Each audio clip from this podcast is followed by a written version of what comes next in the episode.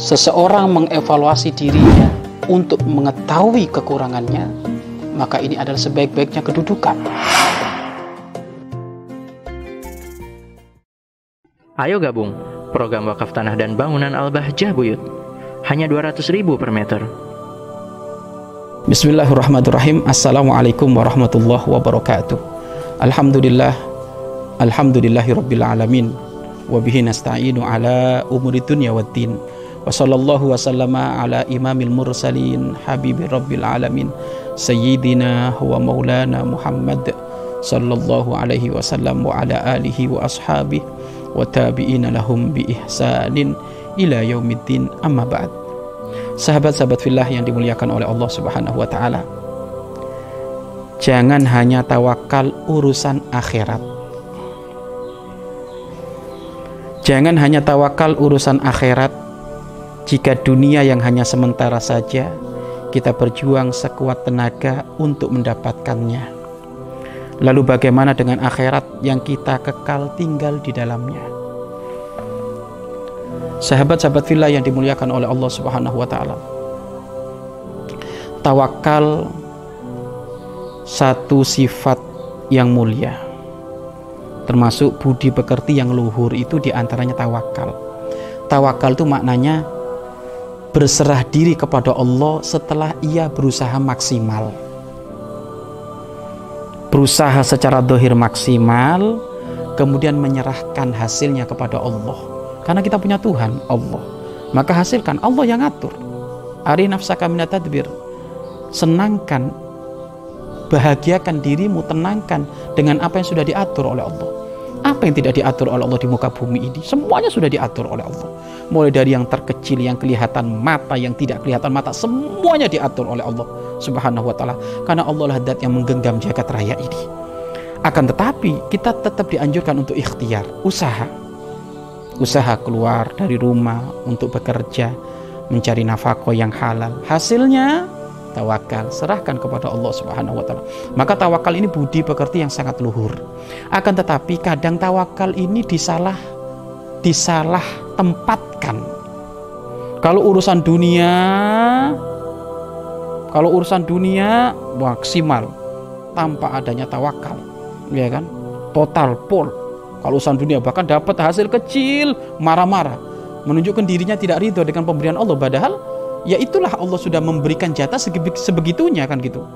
Tapi kalau urusan akhirat tawakal sudahlah. Yang penting kita sudah sudah sholat walaupun ngantuk-ngantuk tawakal hasilnya nanti terserah Allah. Sudahlah kita ini walaupun baca Al-Quran walaupun nggak seberapa ya sudah tawakal. Nah ini nggak benar ini.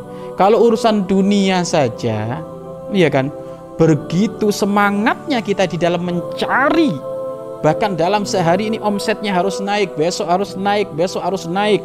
Kepala jadi kaki, kaki jadi kepala. Wah ini istilah apa ini? Kepala jadi kaki, kaki jadi kepala. Maksudnya apa? Us, kepala itu kan harusnya mikir. Ini sudah enggak karena saking saking sibuknya sampai kepala ini jadi kaki, kakinya jadi kepala. Artinya ini membayangkan kehidupannya full untuk ikhtiar pol-polan. Dia pengen uh, mengejar target satu bulan harus dapat omset satu miliar bulan depan harus 2 miliar. Terus seperti itu dia. Nggak kenal malam nggak kenal pagi nggak kenal siang. Ngelembur terus. Nah ini Masya Allah kalau urusan dunia. Padahal dunia kita ini sudah dicukupi oleh Allah Subhanahu Wa Taala. Tetapi kalau urusan akhirat kok tawakal itu kan ajib.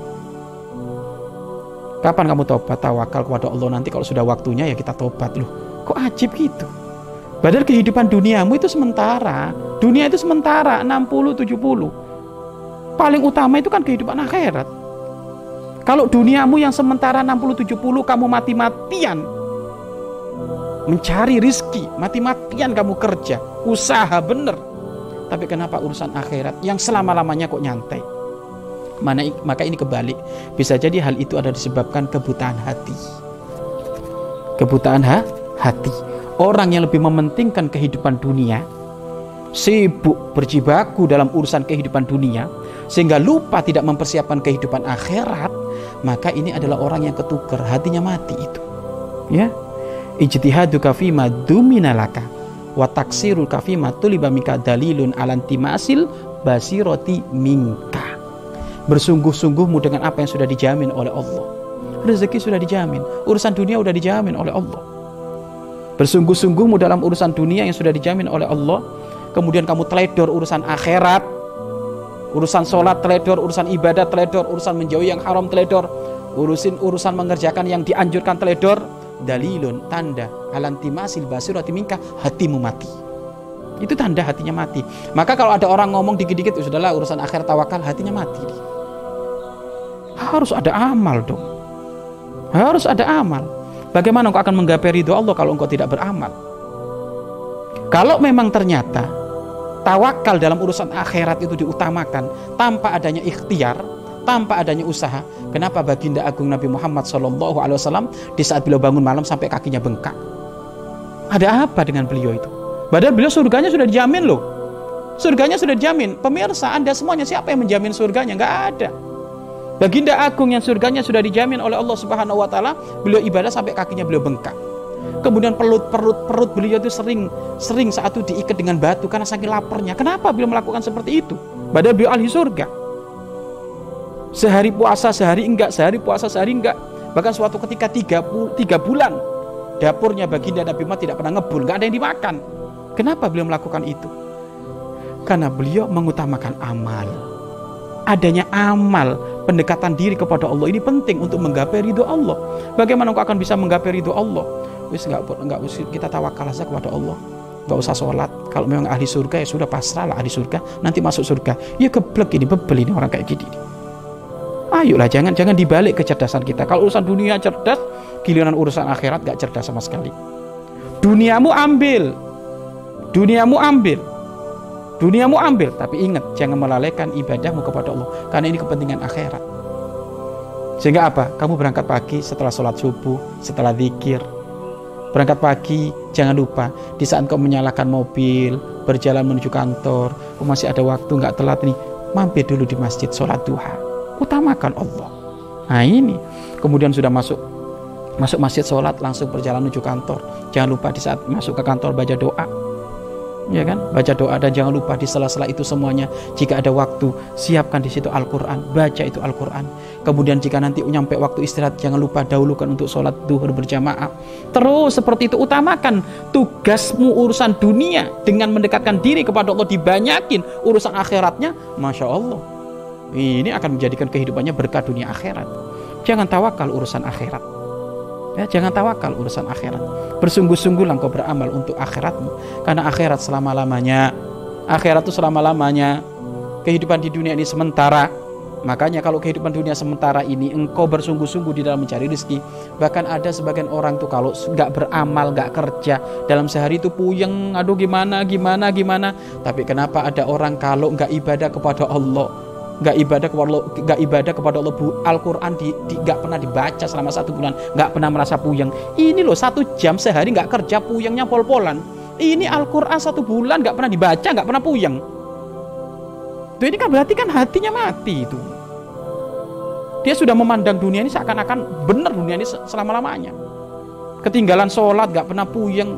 Satu minggu nggak sholat nggak pernah puyeng ini dua hari gak kerja puyeng. Waduh dari mana ini? Makan makan gimana? Makan makan. Padahal banyak orang gak kerja dikasih makan oleh Allah.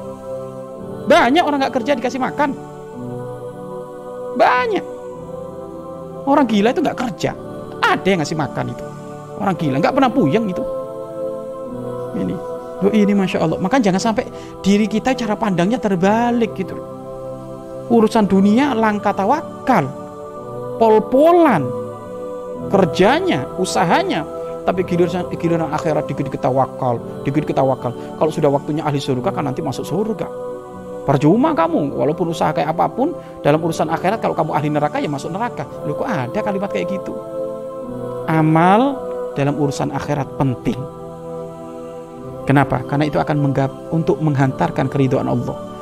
Dan tentu nanti amal itu harus disertai dengan ikhlas. Murni itu dilakukan karena Allah Subhanahu wa taala. Sahabat-sahabat villa yang dimuliakan oleh Allah, ayo kita mencerdaskan hati kita. Menghidupkan hati kita. Urusan dunia boleh engkau totalitas, tapi jangan lupa akhirat lebih harus totalitas karena akhirat ada selama-lamanya. Sebentar lagi engkau akan dikubur. Mungkin saat ini akhirat menjadi cerita bagimu. cerita yang sering menjadi cerita-cerita tapi sebentar lagi di saat engkau sudah nyampe kuburan maka akhirat akan menjadi kenyataan dunia akan menjadi cerita. Makanya kalau seperti itu bagaimana? Siapkan dirimu sebelum nyampe kepada waktu dunia menjadi cerita. Apa? Di saat kamu sudah dikubur. Kalau sudah kamu dikubur ini kamu akan menikmati apa yang sudah kamu lakukan di dunia. Kalau engkau ternyata orang yang banyak mengutamakan urusan akhirat di kuburan engkau akan menemukan nikmat yang sangat hebat di hadapan Allah. Tetapi kalau engkau di dunia hanya melulu urusan dunia engkau di, di kuburan akan menemukan siksa Allah. Nauzubillah min dalik. Maka ayo perbanyaklah amal. Berbanyaklah amal dalam urusan akhirat. Perbanyak, perbanyak yang disiplin, yang serius, yang semangat dan niatkan semuanya karena Allah Subhanahu wa taala. Wallahu a'lam bissawab. Mari berinfak untuk operasional lembaga pengembangan dakwah Bahjah Buyut.